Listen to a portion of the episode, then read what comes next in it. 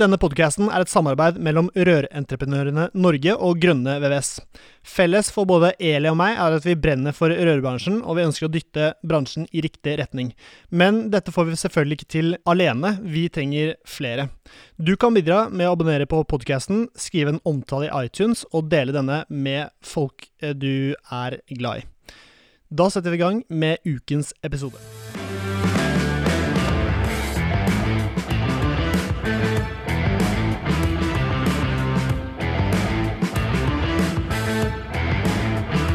Hei og hjertelig velkommen til en ny episode av Bare Rør med Eli Hermina Heidal Eide fra Rør-Norge og Severin Popp Midteide fra Grønne VVS.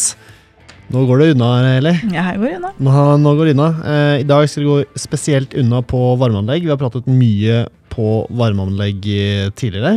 Det er vintersesong. Det er vintersesong, Ja. og eh, det oppstår mye, mye problemer med vinter... med varmeanleggene. Eh, Kall det gjerne vinteranlegg, for det er da de er eh, ute og går. Mm. Eh, og eh, dagens gjest eh, Vi kommer kanskje til å ta en dobbeltepisode, for Eli, du mener at han, eh, han kan veldig mye om masse rart? Vi kunne sikkert tatt flere episoder. Altså, Dagens gjest heter Svein Marienborg. Jeg har kjent Svein siden jeg var en ung og lovende, relativt nyutdanna fagskoleingeniør på tidlig 90-tall, eller seint 80-tall, tror jeg faktisk det var. Ja, stemmer det. Fordi at du var jo i mine øyne den første inn... Du og Per Eivind Larsen, som vi har hatt som gjest her tidligere, var mine innreguleringsguruer i ungdommen. Og jeg har jo liksom fulgt med dere hele veien. eh, og ser jo Vi har jo sittet i noen styrer sammen, og vi har jo hatt kontakten siden jeg begynte i Rør Norge sentralt, i hvert fall, Stein. Å ja, det har vi hatt. Så vi har liksom fulgt hverandre ad. Eh, og når jeg leiter etter gjester da, til podkasten som skal være med å oppdra Severin, så tenker jeg det er viktig å få inn liksom en, de som kan mye. Uh, og du er en av dem, i min verden. Det var hyggelig. Mm. Ja, det var Ja, men han er en av Altså, du, Severin har liksom vært litt sånn redd for å være flåsete med begrepet legende. Eh, men dette er også en legende. Dette er legende. din legende. Dette er også en legende, okay. Severin. Ja, Som du kan ha som legende. Han har ikke bart, men han har briller. Ja, ja, men uh, vi snakket jo Uh, Altså, vi pleier å starte record Jeg trykker på record-knappen nokså fort etter at gjesten kommer, sånn at vi bare Sånn at vi ikke glemmer det. Fordi for eksempel hvis vi sitter med noen gjester som er super eksempel Raymond Hansen, og vi ikke, jeg glemmer å trykke på record-knappen. Så ikke bare blir jeg grisebanka av deg, Eli, men uh, vi må spille en, altså vi må spille episoden på nytt. Og det er jo ikke Det er litt vanskelig å hanke inn han. Men uansett, jeg pleier å spille den inn når jeg trykker på record-knappen, og så starter vi i løpet av to minutter. Mm. Her gikk det 20, 21 minutter før vi klarte å liksom uh, starte. Det ble, ble mye prating uh, før det. Men kan ikke vi bare ta så Ja, Eli? Nei, det var litt derfor jeg varsla at kanskje når vi først har Svein her, da, så er jeg litt sånn Dette er effektivitet, ikke sant. Eh, Mm. Da sørger vi for å få teipa masse Banken. gode råd Mm. fra Svein. fordi det som er så bra med Svein, er at du jobber jo veldig tett med VB-bedriftene, Svein. Mm. Eh, og holder masse kurs og jobber med, med mye ting der. Eh, og min litt sånn tanke med å invitere deg i dag, var jo kanskje at du kunne eh, diskutere litt med Severin og meg. Eh, tem, ting som du tenker Du har jo sikkert noen kjepphester, det veit jeg, i forhold til ting som folk gjør feil. Ja. Men at vi kan finne noen sånne temaer som du tenker at dette må vi bli bedre på, dette gjør vi feil, sånn skal du ikke gjøre det, sånn skal du gjøre det. Er det noe Ja. du som renner deg i hu sånn med en gang? At du tenker at ah, øverst på lista mi står ja, øverst på lista mi så er det jo sånn at jeg, eh, som du sier, jeg jobber veldig mye med VB. Eh, og der har vi mange kurs. Og jeg jobber primært med innenfor varmeanlegg, varme og kjøling, eller det vi kaller for energianlegg. Vannbårne energianlegg. Og i de, når det gjelder vannbårne energianlegg, så er i og for seg ikke det så veldig vanskelig. Det Rørmessig sett, så er teknisk sett, så er det ganske enkelt å legge opp. Det er ikke noe vanskeligere det enn å legge opp noe annet. Nei. Men det er mange flere feil som du kan, gå, som du kan gjøre underveis, eh, som vi da er nødt til å sette fokus på og få luka bort. mm. Eh, for i VB så er vi veldig opptatt på at det skal være riktig første gangen. Mm. Jeg, tror det, jeg håper det gjelder hele bransjen. Ja, det burde gjelde for hele bransjen. Mm. Og det er ikke noe vits i å, å gå og gjøre jobben to ganger hvis du kan bruke et kvarter lengre tid, og så gjør du den riktig første gangen. Så Mm. har- er alt på, på stell. Og når det gjelder varmeanlegg, så, øh, og jeg skal begynne å ramse opp hva som er viktig for et varmeanlegg, da. Vi kan begynne med det. Mm. Så tar jeg fram handa mi, og så ser jeg at der har jeg faktisk holdt fem fingre enda. Uh, og så tar jeg, uh, holder i totten, så sier jeg det at det, det viktigste med et varmeanlegg, det er at det er innregulert.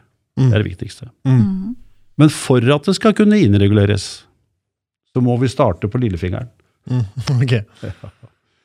Og det første det er at vi må ha et ekspansjonsanlegg som er riktig kalibrert og dimensjonert for det anlegget vi har. Det er liksom den første lillefingeren. Det neste på ringfingeren det er jo da at anlegget må være lufta ut. Mm. Ellers så får vi ikke vannet fram. Eh, langfingeren, det er jo at vi må ha alle pumper. Det må være riktige pumper og må være montert riktig. Og så må de være justert inn riktig. For at hastighet på alle pumper i dag, den kan du justere. Mm. Og noe som heter autoadapt, som jeg blir helt sånn matt ut av, for at det er bare sånn Jeg vet ikke hva jeg skal gjøre, og så orker jeg ikke å se på bruksanvisninga, og så setter jeg den bare i autoadapt. Mm.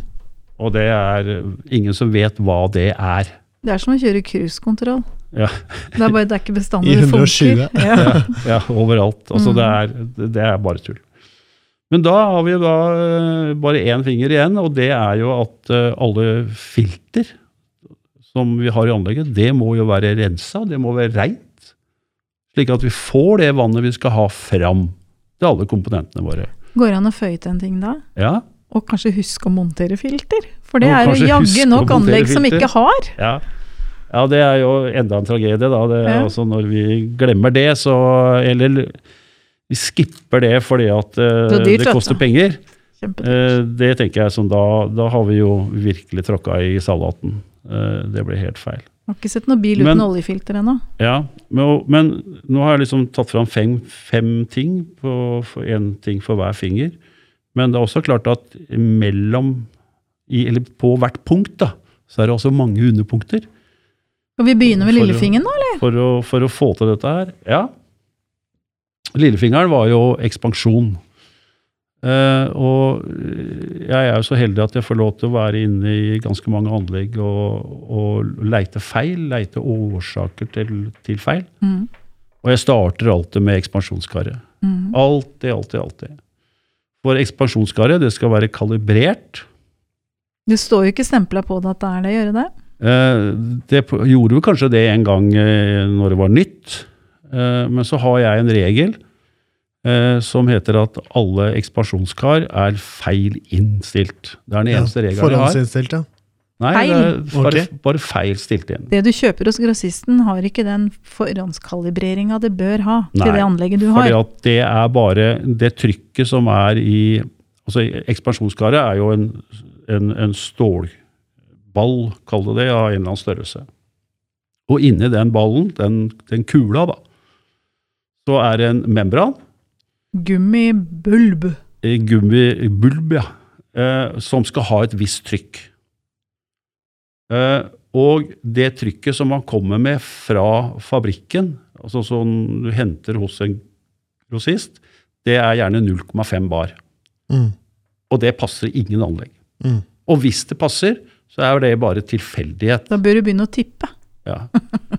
Så, så det å kunne eh, få justert den belgen, eller ladetrykket som vi kaller det, i Mhm. belgen, Mm. riktig, det er punkt én.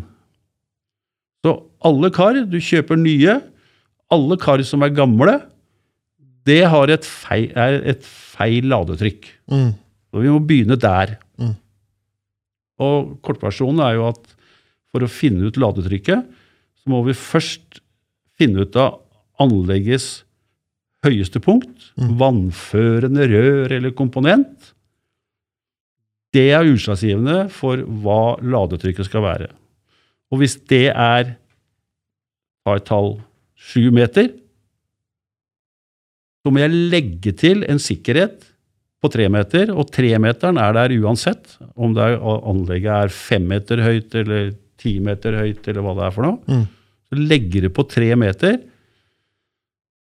Og summen av tremeteren pluss anleggets høyde, det blir ladetrykket. Er det Mm. såkalt statisk høyde? Altså høyden vannsøylen i anlegget står i? Statisk høyde, det er når anlegget er fullt av vann, når det renner ut vann av toppen av øverste ut, utstyret. Mm. Eh, og eh, ja, pumper står stille, og det renner ut vann der. Da har du statisk høyde. Og det kan du enten måle på manometeret nede i teknisk rom, eller så kan du måle med tommestokk og finne ut av hvor høyt det er. Mm. Det går også an. Eller du kan måle på tegning. Mm. Det går også an. Å finne ut det. Men når du skal sjekke det ladetrykket, så må du da først vite hva skal det egentlig være på her, og da er det egentlig da Si at det er ti meter høyde, da. Statisk høyde. Ja. Fra liksom laveste punkt i anlegget til der hvor det renner ut på toppen. Ja. Si at det er ti meter, og så skal du ha Er det 0,2-0,3 du regner i tillegg? Da regner jeg tre meter til, eller så da blir det 1,3, da. Da Bar. blir det 1,3 bar. Og så kommer det levert med 0,5. Så kommer det levert med 0,5, og da må du hvis du er og henter et sånt kar, så får du kjøre innom en uh, bensinstasjon Ja, for du må bruke trykkluft. og fylle på luft. Ja, For du kan Så- ikke bruke pumpe eller sykkelpumpe, eller sånt, for da driver, holder du på resten av dagen. Men sa vi hvor uh, mye trykk det er per meter? Nei, vi sa ikke det. Vi, vi sa at uh, vi Eli og jeg vi driver jo og sjonglerer på dette her vilt, da. Men det er jo sånn at ti Jeg tror jeg har lært 0,2 ekstra, mens 10, du snakker om ti 0,3. meter er én bar. Og når jeg snakker om 0,3 bar, så er det tre meter. Mm. Så ja. Så da betyr det at uh, den uh, Det er liksom Per meter så er det 0,1 bar da, som du skal ha i ladetrykk, og så skal du ha et tillegg på Han sier 0,3, jeg har lært 0,2 en gang Ja. i verden, men det Mm. er samme. Det Men dette ikke har jeg diskutert litt på, bare for å korrigere deg litt, Eli. Det, Mm. Dette har jeg diskutert litt med uh, alle leverandørene av, av eks, ekspansjonskar, for jeg Mm. snakker mye om dette her. Mm, jeg har ikke tenkt på det på 100 år, Og så sier de at hvis du sier 0,3, er du sikker, liksom. så gjør du ikke noe feil. Mm. Så bruk det. Mm. Bruk det. Mm. Og det er årsaken til at jeg bare sier 0,3, og så bruker vi det tallet. Men Mm. hvis du da kommer på et anleggsveien, eh, så er det jo én ting som jeg syns jeg ser ofte at det blir synda litt med når det gjelder ekspansjonskar, og det er at det ikke er en serviceventil før det ekspansjonskaret. Og så lo han. Ja, da, ja, da er det jo ferdig, da. Da er det jo skrudd. Da får du ikke gjort noe mer med det. Da er det bare én ting å gjøre, og det er å, få tappa ned anlegget og få, få satt inn en serviceventil foran ekspansjonskaret. Mm. Du skal ha en stengeventil foran ekspansjonskaret, og den stengeventilen kaller vi serviceventil. Ja, for hvis jeg hadde vært lærling nå, og kanskje bare har lest om varmeanlegg og ekspansjonskar på E-Lines-programmet, så hadde jeg tenkt hva er egentlig en serviceventil? Men det er egentlig bare en kuleventil. Men du tar kanskje av huet, sånn at ikke en eller annen uvettig vaktmester skal komme og stenge det. Ja, jeg ville jo, jeg ville jo hvis jeg hadde brukt en kuleventil, en Mm. vanlig kuleventil, så hadde jeg jo skrudd av hendelen Mm. og teipa den ved siden av røret eller på en eller en annen måte. hyssing, Ja, mm. hengende hyssing, slik at, du ikke, du, at ikke den blir borte. da. Mm. For, og årsaken til det, eh, det er jo det at når vi nå kommer på eh, Du kommer inn på et anlegg for å kunne sjekke trykket på belgen. Så er du nødt til å stenge ut karet. Mm. Og da må du stenge den ventilen, men du er også nødt til å tappe ut det vannet som måtte stå fra ventilen og i karet. Mm. Det ble tappet. Mange liter kan det være inni et sånn ekspansjonskar på en enebolig? Ja, hvis du har et, eh, I en enebolig så har du kanskje et kar på hva vet jeg, eh, 18-25 liter. Mm. Og hvis belgen er defekt, så er det jo 18 eller 25 liter i det karet. Mm. Og den belgen er jo som det sykkelhjulet vi snakka om når Per Eivind var Ja, jeg, jeg, jeg sammenligner den med, med eh, blæra i en fotball. Ja. Mm. Også et bilde. Det er et bra bilde. Eh, for begge er runde, så Mm. da liksom, er det greit. Mm. Uh, og det er det trykket i den belgen som skal gjøre det at vannet utvider seg Når det blir varmere. når det blir varmere. Vi varmer opp vann, og da utvider det seg. Mm. Uh, og det har ingen steder i et lukka røranlegg, så har ikke det vannet noen steder å gjøre av seg. Og Derfor så må vi ha et ekspansjonskar som kan ta imot vannutvidelsen. Og den vil da, etter hvert som trykket i anlegget stiger, for det blir dårlig plass, så vil belgen i karet, altså blæra inni fotballen, den vil gi etter, for trykket der er lavere enn på anlegget. Og så strømmer det vann inn mellom belgen og karet. Og så mellom, delen, liksom. mellom læret på fotballen og blæra Mm. kommer det vann inn. Og da klemmer den blæra sammen. Når anlegget blir kaldere igjen, fordi at det er mildere ute, da vil blæra døtte det vannet tilbake på anlegget. Mm. Slik at anlegget til enhver tid er fullt. Mm. At du har nok vann. Og da har jeg alltid vann på anlegget på høyeste punktet. Mm. Alltid.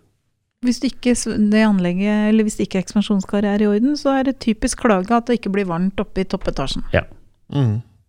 Og så får vi, ved at karet ikke er riktig kalibrert, så får vi også følgefeil. For veldig ofte så kjører vi med for høyt driftstrykk på anlegget. Mm. Og nå kommer jeg plutselig over til punkt nummer to. Men er vi ferdig med punkt nummer én? Eh, Nei, nei, vi holder, det henger sammen dette her nå. For- For nå kommer jeg over til punkt to. Mm.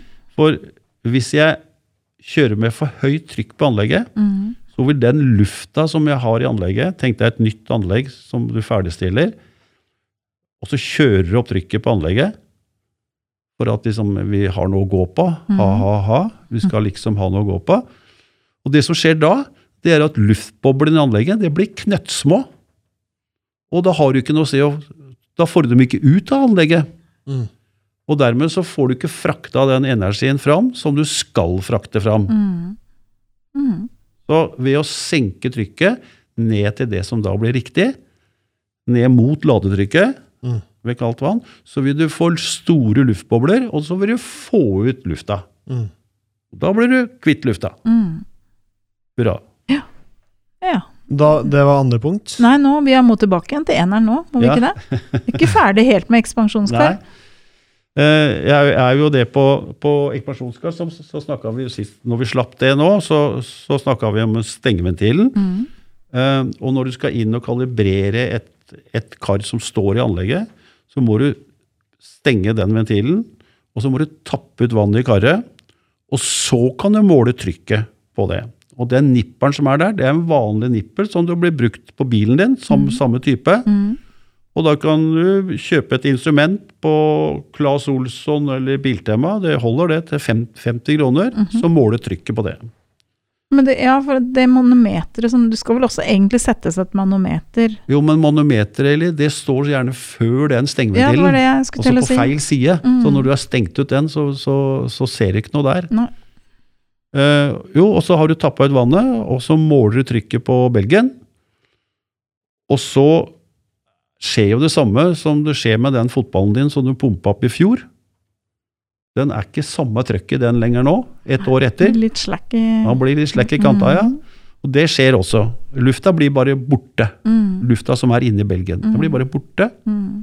Og da må du etterfylle. Mm. Og da må du ha med deg en kompressor.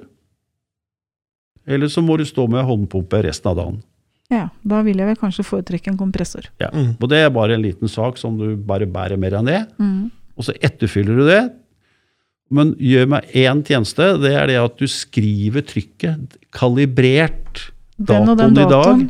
Så skriver du det trykket du har valgt, og så signerer du med navnet ditt. Mm. Da Det er jo kan du få lov til å egentlig Et øyeblikk. Der kan du få lov til å bruke sprittusj på karret. -hmm. Det er veldig fint, Mm. for det går ikke bort. Eh, og så neste gang igjen, neste år igjen, så gjør du det samme. Mm. Og etter 20 år så står det, er det nesten ikke plass til å skrive noe der på det karret, og da kan du bytte det. Det er helt fint. Mm. Samme på tappvann, eller? Samme på tappvann, ja. Mm. Samme regler der, ja.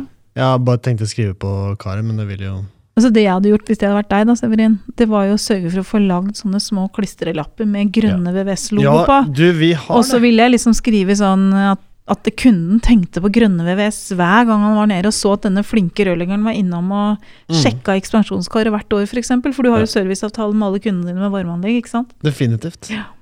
Mm. ja. Det er en god idé. Det er en god idé. Mm. Da er vi videre på neste punkt. Kanskje. Nei, det ser ikke sånn ut i det hele tatt. Jo, nei, det, vi kan gjerne hoppe videre. Det går fint, det. Men da er vi jo videre på, på lufting, da. Er vi der vi er igjen? Mm. La oss lufte. På luftinga så er det jo eh, vi, det heter jo det at alle, før overleveringen så skal alle anlegg være satt i drift og, og igangkjørt, da, som, som vi kaller det. Eh, Men for å, å kunne gjøre det, så må du jo ha starta anlegget kanskje 14 dager før. Du klarer å overlevere for å få ut lufta. Mm. For fordi at når du fyller opp et anlegg, så klarer ikke du ved å fylle opp å få ut all lufta. Vi prøver jo på gulvvarmeanlegg å fylle opp sløyfe for sløyfe og mot åpen ende, som, vi, som vi sier. Mm. Eh, og det er jo eneste fornuftige måten å, å gjøre det på. Allikevel så vil det være luftlommer som, som setter seg steder. Eh, og de må vi jo få ut. Og da har vi jo eh, noe som heter luftepotter, eh, som vi strør rundt oss. eh, setter på ting som der hvor vi tror at det er viktig å ha dem.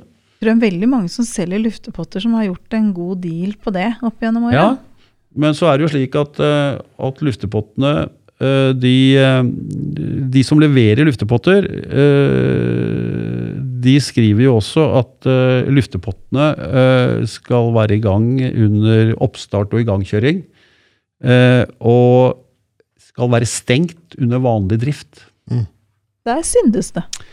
Og det er jo fordi at vi ikke Hvis vi skulle miste vann på anlegget, så vil luftepottene stå og suge inn luft Mm. istedenfor. Da er vi jo virkelig ute å kjøre. Da blir det jo bare verre og verre og verre. Mm. Uh, Så der er jo én ting som vi synder, som det synes mye mot, det er at det ikke settes stengeventil under luftepotten. Mm. Ellers, Da har du ikke sjans til å få bytta den. Du har ikke sjans, Da må du tappe ned hele anlegget Mm. for å bytte den lille komponenten. Så nok en gang var det snakk om en stengeventil, for det var jo en utfordring på lillefingertemaet også, på ekspansjonskar. Ja. Stengeventil før Stengeventil, ja. ekspansjonskar, Jep. stengeventil før luftepotte. Eh, og der er det et Alltid. triks- Alt, ja, alt det. Og der er det et triks som, som, eh, som vi brenner oss på ofte. Det er jo det at veldig mange av luftpottene blir levert med en liten tilbakeslagsventil som sitter nedi. Og hvis du skrur den tilbakeslagsventilen nedi en kuleventil, Mm. så når du åpner kuleventilen, så detter tilbakeslagsventilen ned i kula. Mm. Og når du prøver å stenge den kula igjen, så klarer du aldri å få gjort det. Nettopp. For den ligger og sperrer. Men Så- Takk for det var en litt dårlig konstruksjon. Det må du huske på litt, annet, da. At du eventuelt tar av den. Er tilbakeslagsventilen. Ja, for det hjelper vel ikke å ha liggende ventil heller. Det blir Nei. jo bare rot. Det blir Men bare- jeg tenker jeg er feil nå, eller kan du putte på en eh, nippel imellom sånn at det er lengre fra Ja, det kan du gjøre. Nettopp. Mm. Det kan du gjøre. Men da må du passe på at tilbakeslagsventilen har Men det er ikke bare bare skru den av, og så lar du den være. For det som er Eh, poenget med grunnen til at jeg ikke liker den tilbakeslagsventilen, det er jo det at i løpet av åra så samler det seg masse smuss i luftepotta. mm, Partikler. mm, Og når du da skrur av luftepotta og lar tilbakeslagsventilen stå, så holder den ikke tett. mm.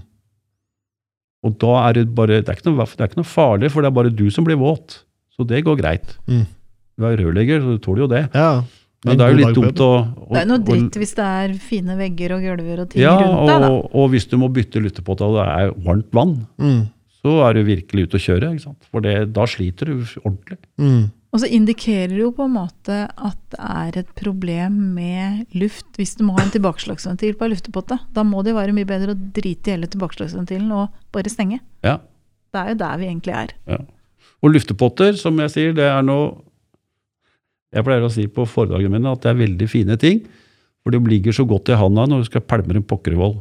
Ja, så du kaster langt.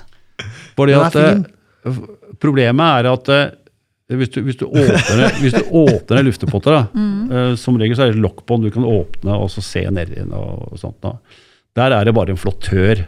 Sånn, altså virker sånn som gamle toaletter. Mm. Og det hullet som lufta skal ut av, det er så lite. Så hvis du tar ei knappenål og så støtter ned i det hullet, så må du døtte hardt for å få den nåla ned. Og så lite, ja. Så lite er det hullet. Mm. Og det betyr jo igjen at hvis du ser på det vannet som vi har i anlegget våre etter tid, så er jo det møkkete. Mm. Fullt av partikler. Mm. Så enten så setter det seg et eller annet rusk i det hølet, Mm. og da er luftepota tett. Da virker den ikke. Eller så setter det seg eh, rusk på den gummidelen som skal lokke for det hølet. Mm. Og da er luftepotta lekk. Mm. Og da er vi jo tilbake igjen. Så derfor så skal vi være litt forsiktige med luftepotter. Men vi trenger det i forbindelse med oppfylling, så det er bare om å gjøre å huske at eh, det ikke er til noe annet enn oppfyllinga. Ja, det er korrekt. Ja. Og da må vi jo ha andre ting som vi har, på, som vi har med på anleggene våre. Og Eh, eh, Luftepott og plassering, det kunne vi kanskje sagt bitte lite Ja, grann om. det litt for det er litt interessant. det er litt gøy. Eh, da må vi tenke litt eh, hvor vi skal sette den. Jeg, kan jo gjette, da. Hvis vi, Altså- hvis, vi, vent litt, hvis vi har tre muligheter. Mm. Vi har et rør som står vertikalt, hvor vannet går oppover, Mm. og så bøyer den til sida. Mm. 90, 90 grader til sida. Det- I nærheten av det skulle vi ha satt luftepotta. Og Eller vi kan opp og bort, ja. Mm. Ja. Eh, vi går opp, og så går vi til venstre bortover. Og så kan vi sette en midt på det strekket som går til venstre. Mhm. Og så skal vi gå ned igjen på andre sida igjen. Så har vi en mulighet til å sette den der også. Mm. Da har vi tre muligheter. Enten Enten på vei opp, i bøyen på vei opp, på rett strekk, eller bøyen på vei ned. Vi må spørre, eller hva vi, hvor Nei, vi vil Severin først. Ja, Severin. Ja, du kan velge. Bare si. Nei, de er jo jævla pene, så fin i formen, så jeg ville satt de på alle, alle tre Ja, det kan du ikke. Det har du ikke Nei, råd det var det til. ikke lov til. Da får du ikke jobben. Du skal, du skal velge Du må velge hvor det er best å sette den. Jeg hadde sett den helt på slutten av strekket. Der rett før vi da går ned. Ja. Ja. Det ville jeg også. Ja. Før fossefallet har jeg lært av Steinar Jenskaug i de gamle Drammens Ja. Rør. ja. Eh, da kan jeg fortelle dere at eh, på vei opp Det var ingen som sa det, og det er veldig bra. Mm. Det, det er bare tull å sette den der. Eh, og på vei ned, der var deler vi han, eh, der hjelper den litt bedre, men ikke mye. Og det beste er å sette den midt, Midt på et på rett strekk. Midt på mm. strekk. Uansett hvor langt det strekket er. Nei, jeg, vil, jeg kan tenke meg at uh, jeg vil, jeg vil satt den uh, midt på strekket, men nærmere der hvor vi går ned, enn der vi går opp. Ja, Og det er for at lufta skal kunne klare å komme seg opp på toppen av i røret. Mm. For å ha muligheten for å treffe. Og vi skal huske på det at, at luftepotta står eh, på toppen av røret, og det hølet som er luftepotta, det er kanskje tre åttende eller halvt om høl. Det er så stort at du får lillefingeren nedi. Mm. Så stort er det hølet. Og vannet flytter seg med opptil en meter i sekundet. Ja, ikke sant? Og da skal den bobla komme vom og treffe akkurat det hølet der hvor du har satt den lutepotta. Mm. Du kan jo begynne å regne sjansen for at det skal skje. Mm. Den er ganske liten. Så det her tar tid. Det tar veldig lang tid å få ut lufta med luftepotter. Jeg kommer til å få en telefon nå fra Steinar Jenskaug eh, om nettopp det her, tror jeg. Enten så husker jeg feil, eller så er han ikke enig med deg. Så da Ja, men det er fint. Jeg må ta en runde med han Ja, på det. det, kjenner jeg det er helt greit. Det er riktignok mange år siden jeg har tenkt på det, men jeg har en sånn, han har innprenta før fossefall i ryggmargen min Ja. i forhold til luft. Ja, men jeg føler ikke at det er noe sånn stor, stor feil, men det testene viser, er at det å ha han på toppen på rettstrekket Mm. er best. Ok. Men vi snakker kanskje om samme sak. Det er snakk om, her er det snakk om jeg, jeg kan ikke fortelle hvor mange meter før Nei. Det går ned at du skal ha den. Men øh, ja, det må jeg vise. Men det som skjer, da, det er jo det at uh, hvis du skal tenke luft i rørsystemer, så, prøver jeg å sammenligne det med, med elver. Mm. Det går letteste veien. Severin, er du fisker? Ja, jeg var fiska i helgen, faktisk. Ja. Mm. Men da vet du, da, da vet du litt Skal vi ta noe Det her er sånn fjerdeklassepensum. Ja, ja, ja. Men vi kan jo prøve litt, da. Fordi at eh, eh, når elva går i svinger nedover Mm. eh, Hvis du ser på elva, hva, hva skjer i yttersvingen? Nei, der er det mest trøkk, da. Ja, Mm. og hvordan fort, ser, da. hvordan ser elvebredden ut der? Den er gravd ut, eller ja, den er bratt og Ja. graves ut, da. Hvordan ser det ut i innersvingen, da? Der skjer det ikke stort, og Det er sånn grunt. skum. Der er det grunt, ja. Mm. Og der ligger stein og sand og all den jorda og dritten som er. Mm. Eh, helt riktig. Og det er jo selvfølgelig fordi at eh, når vannet er i bevegelse, så har du vekta av vannet pluss farta. Det blir energi. Mm. Derfor så klarer han å grave ut ytter, yt, ytterkanten. Så, og, så, og, så, og så legger han igjen det lette i elva så er det i form av stein og grus og jord og sånt noe. Det er lett i forhold, så det legger den igjen i innersvingen. Mm. Og hvis vi da flytter oss inn i røret, da, på stående rør med bøy til venstre, så vil jo vannet, som er tyngst, det vil jo gå i yttersvingen Mm. av bendet. Ja. Og det er jo der vi pleier å sette luftepotta. Ah. Hvorfor gjør vi det? Mm. Der er det jo bare vann. Mm. Så lufta legger seg Lufta tar innersvingen, den. Ja. På Jo, men hvis du stopper anlegget, da. ja, hva men, skjer da? Ja, hvis jeg stopper det, så er, da er det greit nok. Mm. Da, da må vi ha på høyeste punktet. Mm. Men det er jo at luftepotta hjelper oss ikke så veldig mye når vi er i drift. Nei. mm. Men det skal den ikke gjøre heller, for da skal den jo være stengt. Ja. Så, så, så, det vi, så vi har en for vane å sette luftepottene på feil sted, Mm. egentlig. Mm. Vi setter den der vi tror det er høypunkt, men så er ikke det likevel. Mm. Og så virker de ikke. Mm. Og så har vi bare problemer etterpå, med lekkasjer. Nettopp. Mm. Da burde det lages et uh... Det fins. Vi har noe som heter varmenormen, det kan du lese om. Det. er. Jeg har så mye gründerideer som liksom Det fins allerede. Det er så mye smarte folk som har funnet på ting i den bransjen her før. Ja, ja, ja, ja. Sånn at det å tro at du finner på noe nytt, det, det er mulig. Jeg ligger, Men, jeg ligger rett bak. Ja. Mm. men det er jo lov å bruke de tinga folk har kommet på før, på nytt. da. ja, det er lov. Litt må bare vite at de er der. Men vi hvor har er vi på hånda nå? Nei, Vi er ferdig med ringfingeren, er vi ikke det? Er ferdig, ja, ferdig med Vi begynner på langmann. Hva handler det om? Ja. ja, det er jo pumper, da. eh, som blir montert inn. Um, og de er jo litt rare, da, for at vi, vi Vi gjør jo mye feil, vi rørleggere og i og for seg rådgivere òg. Vi gjør mye feil. Og, eh, men det er visst én feil som er utrolig flaut å gjøre i bransjen vår. Mm. Det er å sette inn deg for av pumpe. Det er, sånn, det, er, det er noe av det verste du kan gjøre. Ja. Av en eller annen grunn. Det er størrelsen som teller. Ja, det er liksom eh, Ta ut den som er stor nok, så Mm. vi, vi er sikre. Mm. Uh, uh, og det blir bare tull.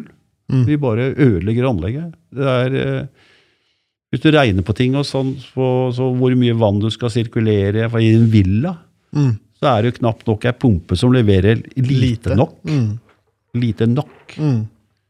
Um, og, og rådgivere også har dette her, at de, de, de tar ut pumper som er altfor store. Uh, og vi ender bare opp med å bruke masse energi. Så kan vi si at det, energi det er samme pokker, vi bryr oss ikke noe om det, for at det, er, eh, det kan ikke vi noe for. Og strømmen er billig og sånt men nå har vi jo lært nå Nå det jo at, at strømmen er jo ganske dyr. Mm. Og så er det jo ting som skal stå i anlegget. En sirkulasjonspumpe skal jo være montert i anlegget i hvert fall i 15 år, Mm. sånn cirka. Mm. Før han skal byttes, da. Mm. Så den skal stå lenge. Eh, men så er det jo sånn at nå er jo alle pumper, og det var en, et EU-direktiv som kom i 13, så vidt jeg husker, hvor alle pumper nå skal være trykkstyrte. Mm. Alle skal være det. Ja. Eh, og det innebærer at du i én og samme pumpe har veldig mange muligheter til å justere inn pumpa. Eh, og det vi skal justere inn, også Pumpa skal gjøre to ting. Han skal levere vannmengde, en, en viss vannmengde, en, det vi kaller for prosjektert vann, vannmengde.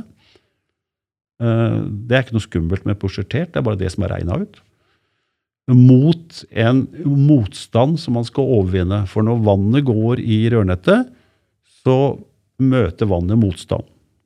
I rørveggen og ventiler Imot og filter rørveggen, og alt. gjennom bend Mm. og gjennom filter, gjennom ventiler. Alt det er motstand. Og pumpa skal overvinne den motstanden. Mm. Men han trenger ikke å overvinne med så innmari mye. Nei, Bare nok til at det sildrer. Bare nok til at vi får det vannet vi skal ha, fram dit vi skal ha det. Det er ikke noe vits i å kjøre på med full pupp her og så si at her bare gir vi bånn gass. Mm. Det, det hjelper ingen. Mm. Men så da kommer vi jo til inn, innstillingen. Men innstillingen av pumpene, den må du egentlig gjøre enten Jeg vet at Grunnfoss-pumpene, uten, å- uten å reklamere for dem, eh, har jo en veldig fin app. Og Mm. det er jo alle pumpene, har- leverandørene har vel fått den nå. Ja. Men Ja. Grundfos var jo veldig tidlig ute med det. Mm. Hvor du kan via Bluetooth kalle opp den pumpa du står og jobber med. Eh, Du skanner IR-koden på den, og så kaller telefonen den opp. Så kan du justere den pumpa med vannmengden som skal gå gjennom På telefon. på telefonen. Mm. Altså, noen sier at det er kjedelig å være rørlegger. Dette er jo dritkult, egentlig. Ja, dette er jo Hvis du kan det, så er det jo Ja, men dette er jo ikke rakettforskning heller. Altså, Ja, du må bare gjøre det. Dette må du jo gjøre hvis du monterer Severin, pumpe. du er en ung mann.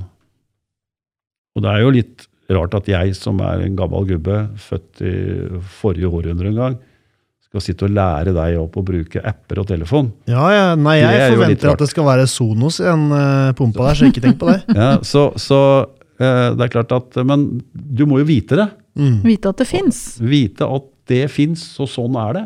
Mm. Og så trenger vi jo ikke å bruke veteranbiler når du har nye, kule biler. Og sånn er det jo når det gjelder pumper òg. Du kan jo bruke nye, kule pumper med disse funksjonene. Ikke sant? Mm. Å få ut altså et, et, Lage et fint anlegg. Mm. Istedenfor å lage et anlegg som du Jeg veit ikke, jeg bare satt den på autoadapt, og Ja, så bare løper jeg. Ja. Så håper du at det går bra. Mm. Eh, og den, den, uh, det du får ut på telefonen din når du har justert det, det kan du jo ta uh, screensaver på og printe ut. Mm. Og legge inn i boligmappa. Legge inn i boligmappa sammen med FTV. Det er voldsomt mye jeg skulle gjøre nå. det. Dette du dette er er en del av pakka. Jeg bare tuller. Jeg er enig. Så, så her, her er- det veldig mye, mange muligheter, og det er nå begynt å bli veldig enkelt. Det er så, uh, I gamle dager så sa vi at det var så enkelt at selv mor kunne klare det. Mm. Uh, Nå er det selv ja, det far. var, nå, nå var ikke det ment. i måte. Vi har slutta med sånn, har vi ikke Ja, det? vi har slutta med det. Mm. Så, uh, men det er enkelt. Det, det der får alle til hvis du vil. Uh, bruker ti minutter på det, så, har du, så kan du det. Mm. Ut og inn. Men Svein, da kommer jeg til å tenke på en ting. For at ehm, dette faget vårt er jo veldig breit. Uh, og dette er jo ikke sikkert alle kan. Men det er jo liksom fortsatt en del av faget, rørleggerfaget. Og når vi satt her og prata i forkant av oppstarten av denne podkasten, så hadde du et lite hjertesukk som jeg tenker passa veldig bra inn nå, i forhold til for eksempel ehm, Det var noen rørleggerbedrifter som markedsførte seg på bilen sin og sånn. Å ja. Uh, ja, det, ja. Nå kom jeg på det. Mm. Uh, jo ja, Det er litt stygt av meg, da, men uh, Nei, Det kom- er- jeg tror det er kommer et fra hjertet. jeg, jeg blir litt sånn oppgitt. Ja ja, tenker jeg. Ja ja. Og så Det står på bila så står det 'Vi utfører alt av rørleggerarbeid'. Mm.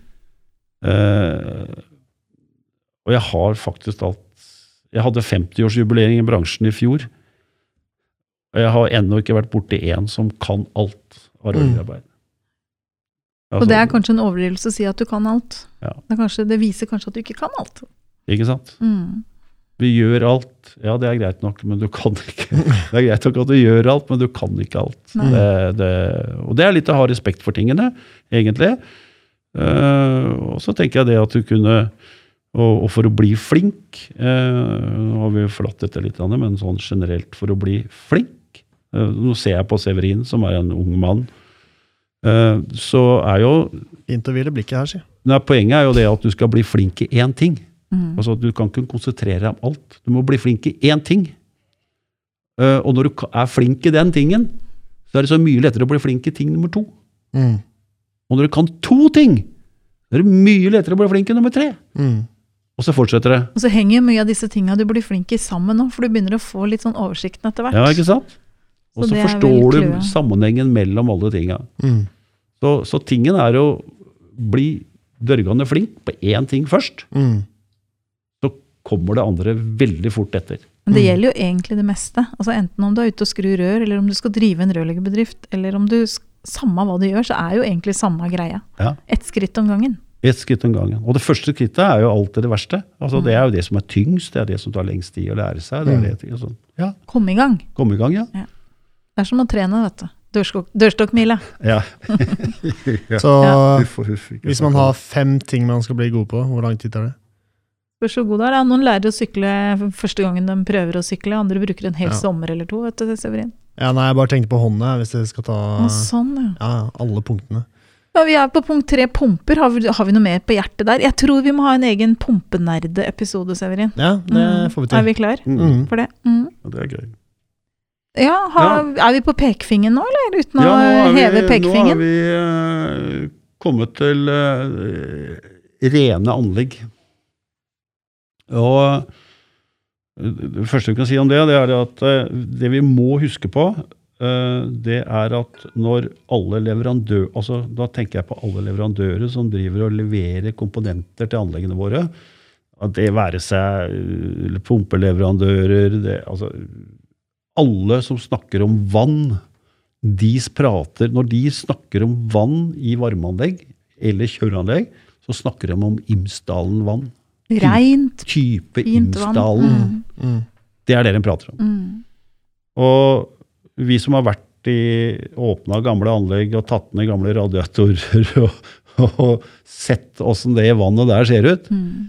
eh, så veit vi det at det er så langt ifra reint som vi sannsynligvis kan komme. Det er slags kolesterol som er i kroppen. Det blir liksom det samme på varmeanlegget. Litt Ja. sånn seigt og treigt flytende Ja, ja. gugge som ikke er mulig å bruke til noe fornuftig. Ikke sant? Og, og det å få ut det, den gørra ut av anlegget, det er, det er en tøff jobb. Mm.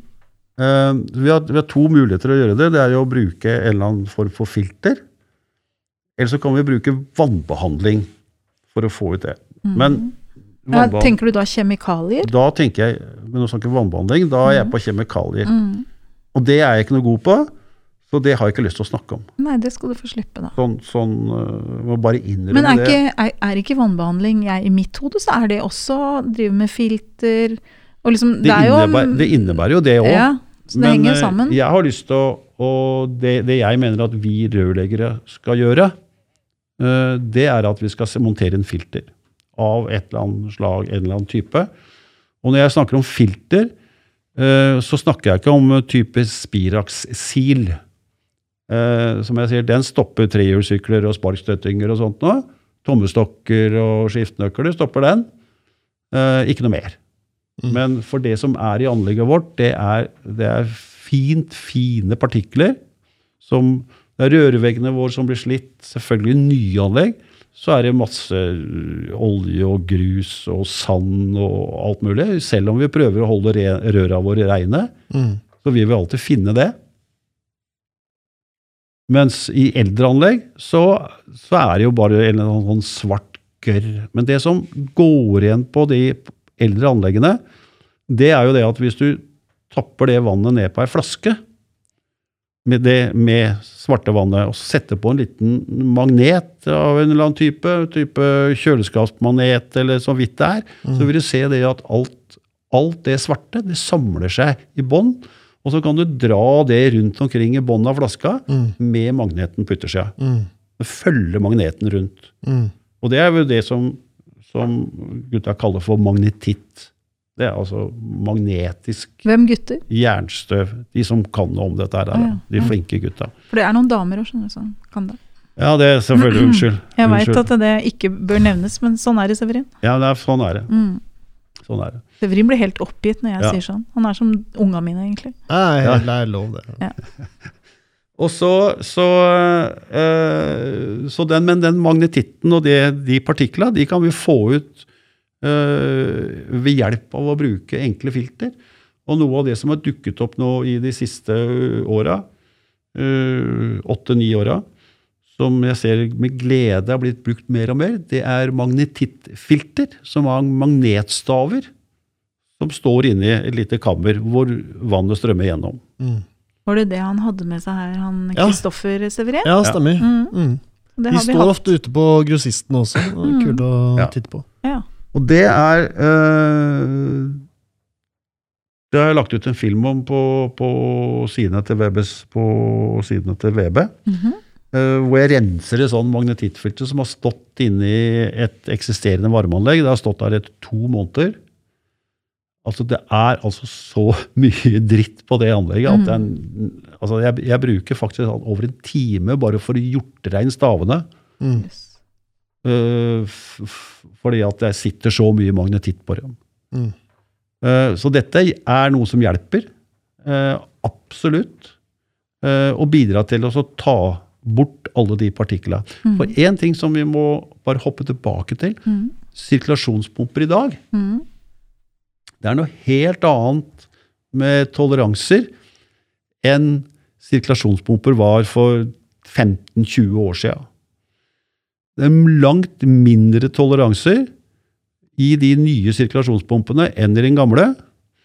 Og det resulterer i det at når vannet som er skittent med magnetitt, er i sirkulasjonspumpa, så får jo den strøm, og den blir magnetisk. Rotoren i pumpa blir magnetisk Mm. og trekker til seg magnetitt. Mm. Blir det enda verre, da. Det gjør at pumpa etter hvert skjærer seg. Ja.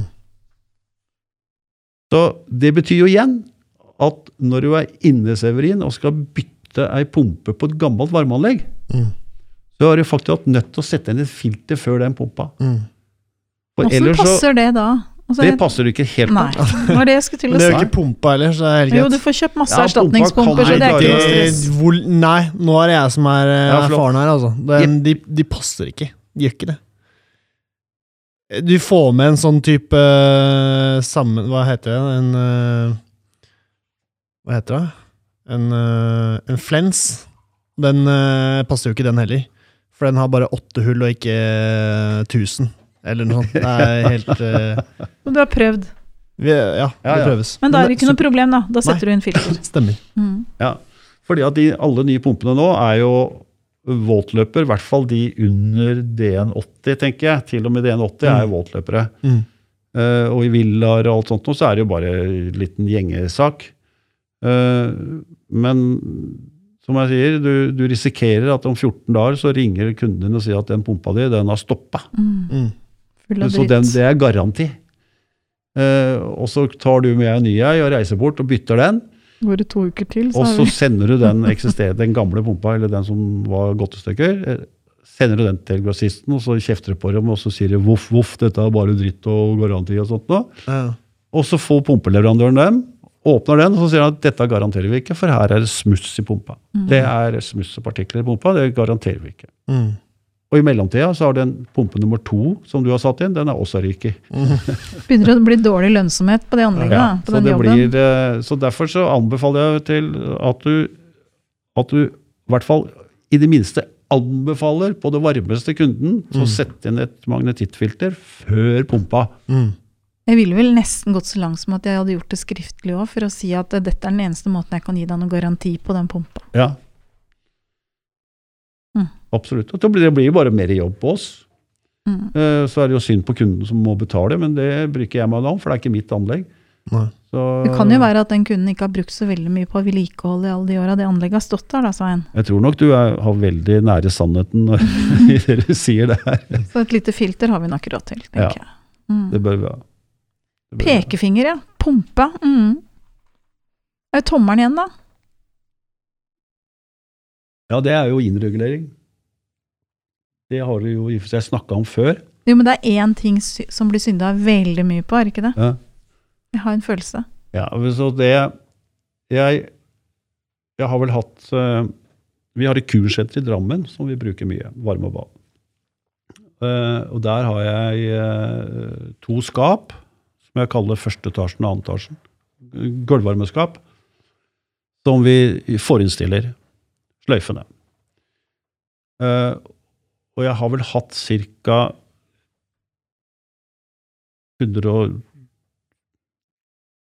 120-ish mann på kurs der. Vi har mellom åtte og ti mann eh, per kurs. Og hittil så er det to stykker av de 120 som har sagt at det har jeg gjort før. Mm.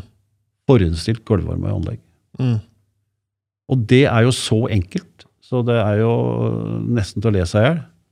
Eh, og de sier jo 'er det bare dette'? Ja, det er bare dette å gjøre. Mm. Og det som er det fine, er jo det at du får Når du får uh, Når du, Severin, skal, skal lage gulvvarmeanlegg i en villa, Mm.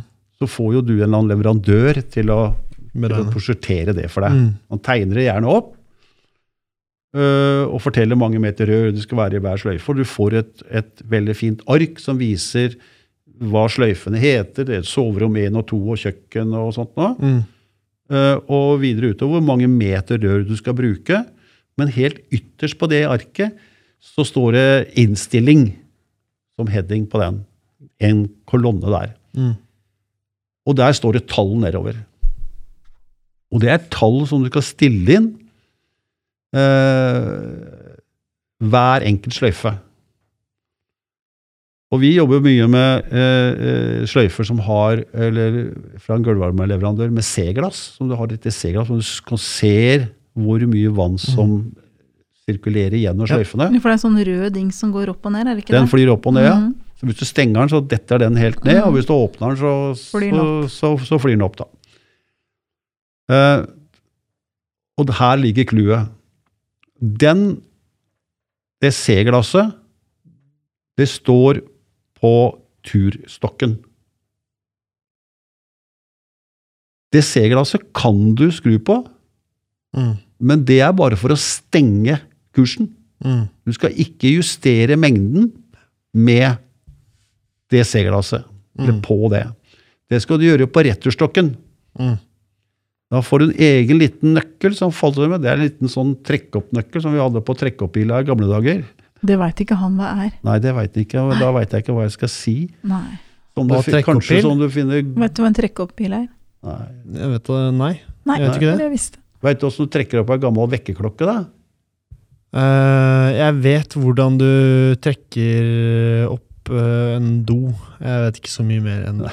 Oi, her sliter vi. Men eh, Trekk opp bil. Det er en gammel, det er en nøkkel da, som du må Der er fjær, da, liksom. ja, nei, Som du jeg vet ja, strammer. Nei, nei, jeg, har jo sett det. Herregud. Ja. Ja. Ja, Mm. Eh, og det er en sånn nøkkel som, du, som, som følger med, som du skal benytte for å stille inn hver slynge, og det skal du stille inn på returen, stokken. Mm. Og da må du stenge ventilen først, så står det kanskje på den, den, eh, den blekka som jeg refererte til, at den skal, ventilen skal stå i innstilling 2,3, Mm. og da må du stenge den, og så må du åpne den til 2,3. Mm. Så går du på neste, så stiller hun den på det som står der, kanskje 1,2. Så fortsetter du på alle f.eks. åtte sløyfene. da. Stiller inn. Mm. Og når du da leser jeg på C-glassa som er bortover, Mm. så vil jeg si at dette stemmer faktisk alt veldig bra. Ja. Det er bare en bitte liten justering som skal til. Da må du begynne på de som du går litt for mye på, strupe litt grann på dem. Mm. Så vil du se at alle henger, eller er- alle er der hvor de skal være. Da skal alle stå på rett linje, ikke sant? Nei, Eller, det skal- i, det, for den- I forhold til den tallet, da. I forhold til den vannmengden som Nei, skal er, jo, gå der. det er jo en sånn der nivågreie på det glasset. Var det jeg viser, mente. den, den, de, de der strekene på glasset, den viser liter i minuttet, gjerne, gjør dem. Og så står det på den tabellen din at den sløyfa her skal ha 12 liter i minuttet. Så de linjene som er på hvert forskjellig glass, det skal stemme med det tallet som står i det arket du har fått. Ja. Ja. Og da er det bare å gjøre det. Og da har du gjort en kjempefin jobb. Mm. Du har gjort jobben din, egentlig. Ja, da har du egentlig gjort jobben din. Og så signerer du på det arket som, øh, som du, har, du har lest av, Mm. at det er utført. Mm. Datoen og signatur av hvem? Severin. Mm. Og så legger du det i skapet. Eller i boligmappa òg.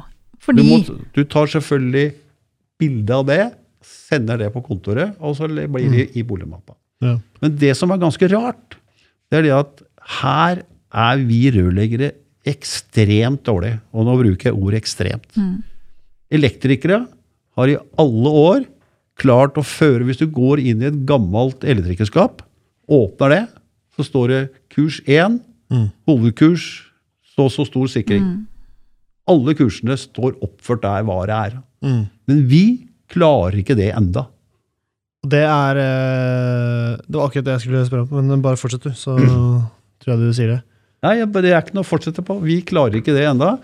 Så kan jeg gjerne si at det, Severin, det klarer du. Ja, Du er bedre enn det. Shit, jeg tror eh, det går. Det skal gå. Men spørsmålet er, på et eh, når du skal kjøre service på et eh, gammelt va- eh, gullvarmeanlegg som ikke funker. Det er steder det ikke blir varmt og greier og greier. Og du ikke har en sånn oversikt på liter i minuttet på, på kursen, hva gjør du da for å rette opp i, i det? Ja, si hva gjør du da? Etter du har sjekka ekspansjonskaret? For det første så sier jeg det at det Feilsøking på gulvvarmeanlegg, Mm. det koster mer enn å bygge det. Ja. Fordi at vi er så dårlige på dokumentasjon. Mm. Eh, vi er dårlige på tegninger. Vi er dårlige på å dokumentere innregulering, Mm. hva vi har gjort. Og da må vi begynne å leite fram alt. Mm. Tegninger er det ingen som har. Mm. Innleveringsskjema er det ingen som har. Mm. Og det vi da må gjøre, da må vi åpne Vi må stenge Hvis du har seks kurser da, inni skapet ditt, Mm. så må du stenge fem. Mm. Åpne den ene, ta av termostaten eller aktuatoren, Mm. la den være åpen, og så må du si til kunden at ja, jeg kommer inn i morgen for å se hvilket gulv som er varmt. Ja, ja. Det er det du må gjøre da. Ja. Og, så, og da har du seks sløyfer, så tar det seks dager. Mm. Ja, Da har, du fått, da har du fått oversikten, ja. og hvis du skal begynne å forestille etter det, så må du først beregne kvadratmeteren på, hvert, på hver, som hver sløyfe tar med seg. Mm. Uh, og ut fra den kvadratmeteren så får det, da er det sikkert lagt så og så mange meter rør Mm. per kvadratmeter. Mm. Og ut fra det så kan du beregne hvor mange meter rør du har lagt. Og var det før 95, så var det CC30.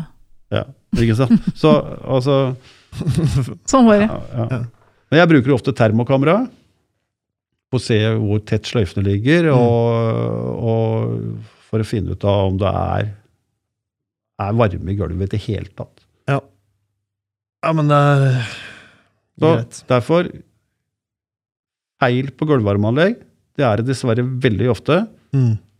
Og fordi at vi, jeg er medskyldig her òg, vi er for dårlige til å legge igjen tegninger og det vi har gjort, og vi tar ikke vare på det,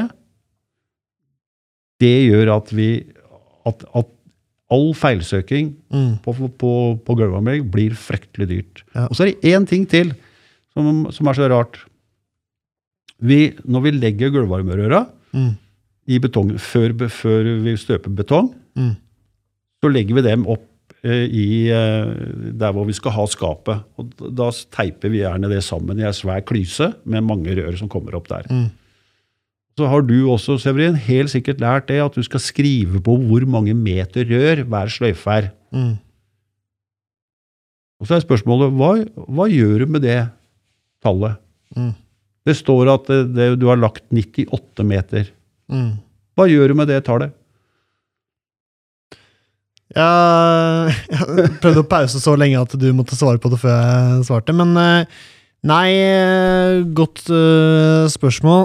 Jeg, ja, eller Da er vi ferdig med episoden, og da Ja, dette blir en lang episode, men jeg tror kanskje jeg har svaret ditt. Ja.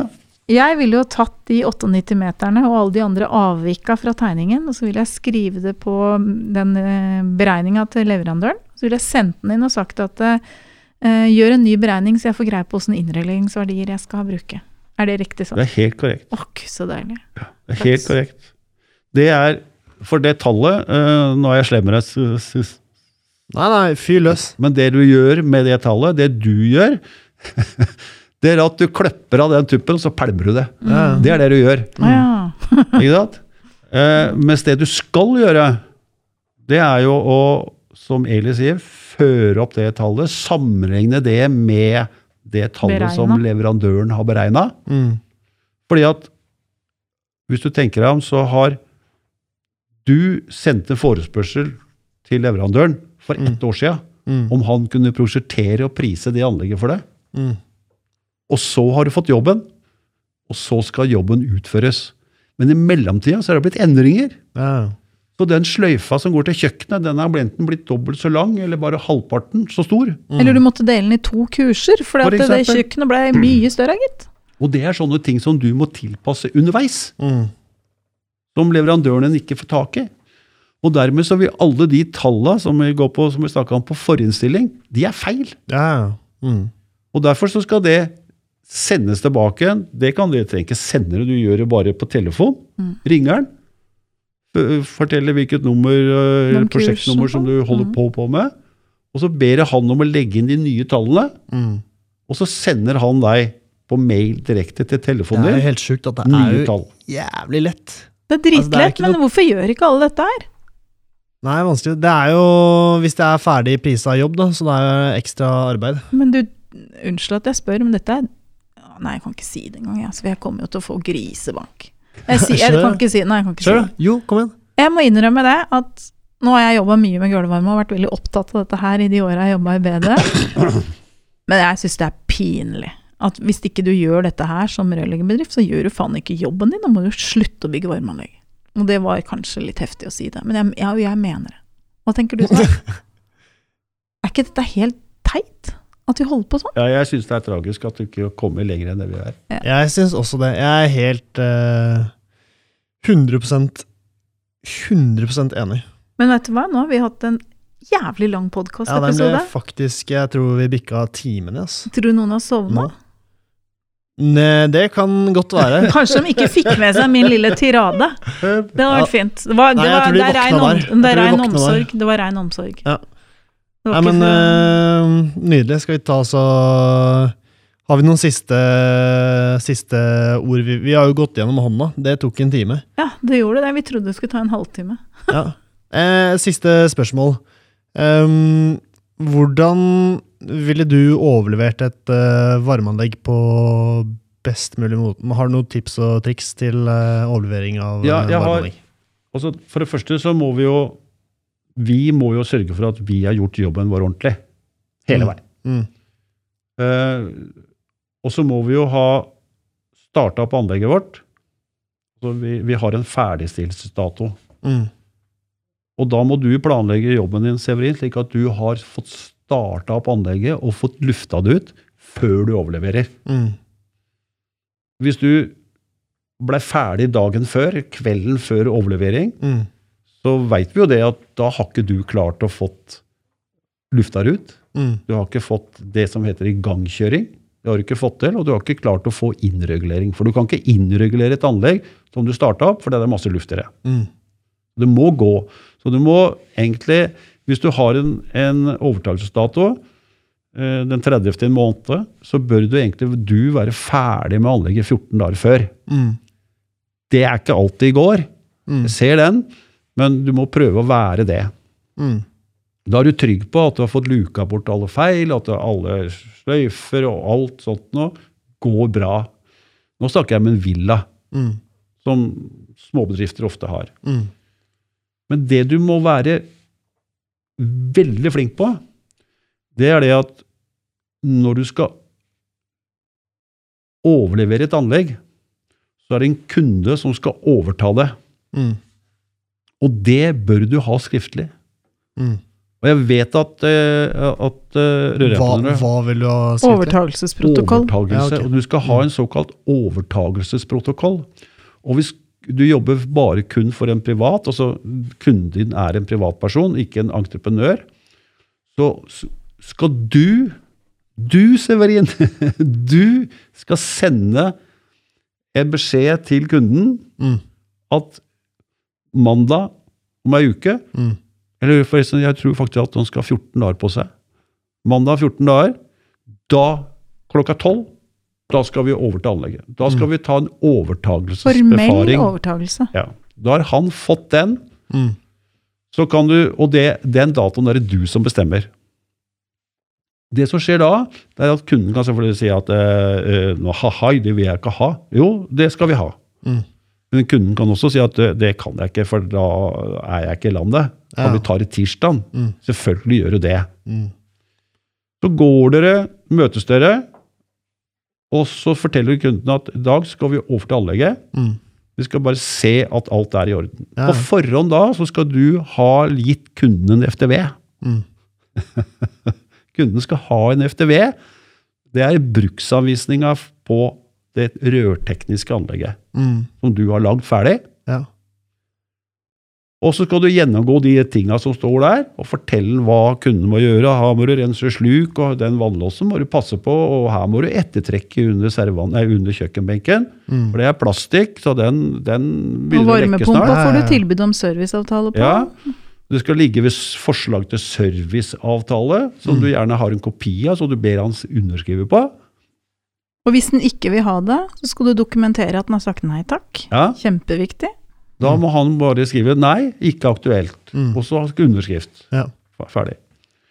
Så får du, Og så vil den helt sikkert kikke på noen mangler, og det er ikke bra, og sånt, og det er, det er ikke noe farlig. Det, det, det går alltid, det der går alt. Og han har ingen grunn til å ikke overta anlegget, med mindre det er en vesentlig feil og mangler. Vesentlig. At han ikke har fått inn toaletten Det er vesentlig. det er ganske vesentlig i, et, i en villa. ikke sant? Men også har han ett av to toaletter som virker, så er ikke det en vesentlig mangler. Da klarer han seg fint. I hvert fall fordi at du ikke du har fått den nye, Ja, eller fordi at ja. den er, det er spesialbestilling eller bla, bla, bla. Men han klarer seg fint. Og så signerer dere på før, før, dere signerer, så noterer du alle mangler og hva som måtte være feil. Mm. Og så signerer dere begge på det. Fordi at du Ofte så må du stille garantier, Mm. og det gjør du via banken.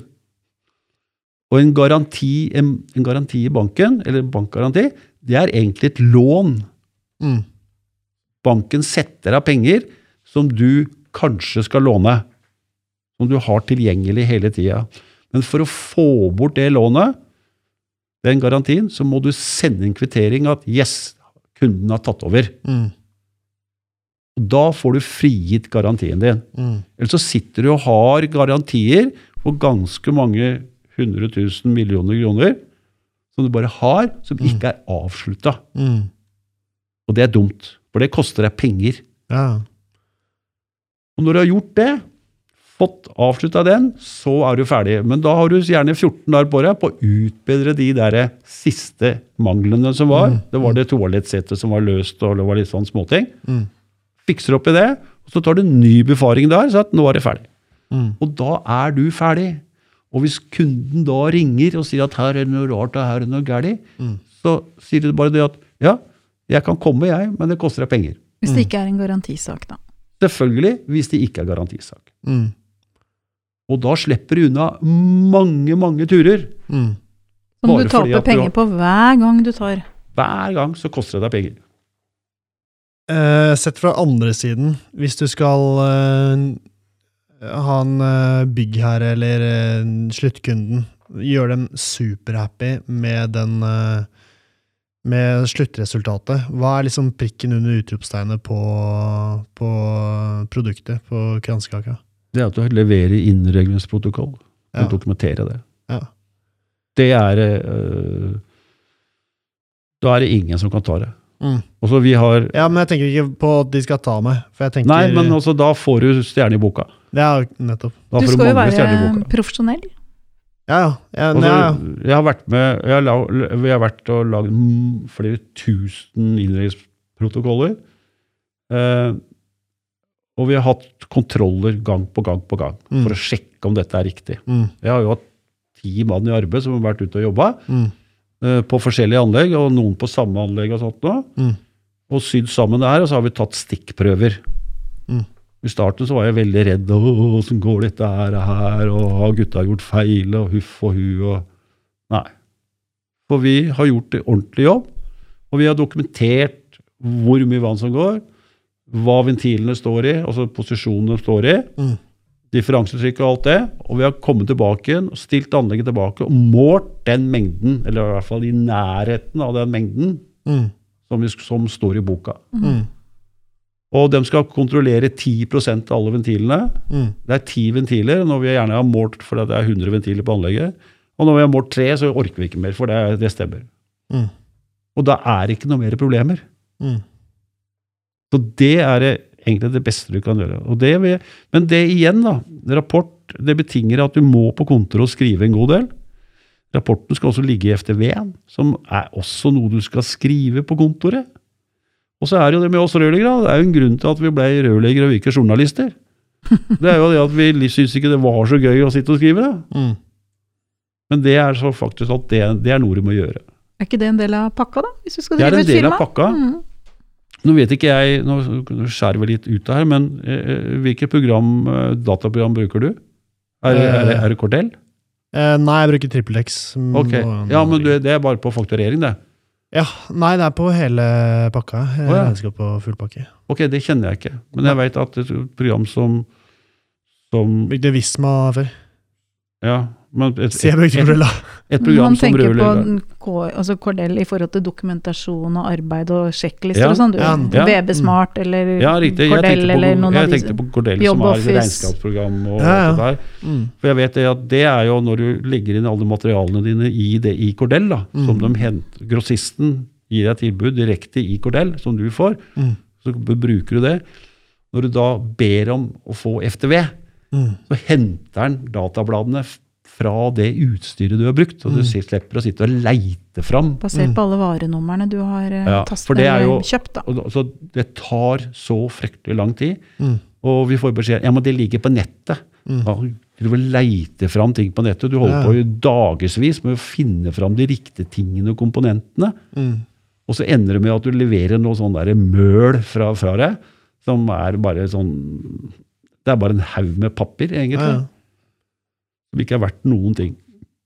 Så det er det å gjøre det forarbeidet med FTV og, og innregningsprotokollen. Mm. Lage det til samla fin protokoll Mm. som du sender over. Og det er, da blir kunden din fornøyd. Han har ikke noe valg. Mm. Bra. Ok.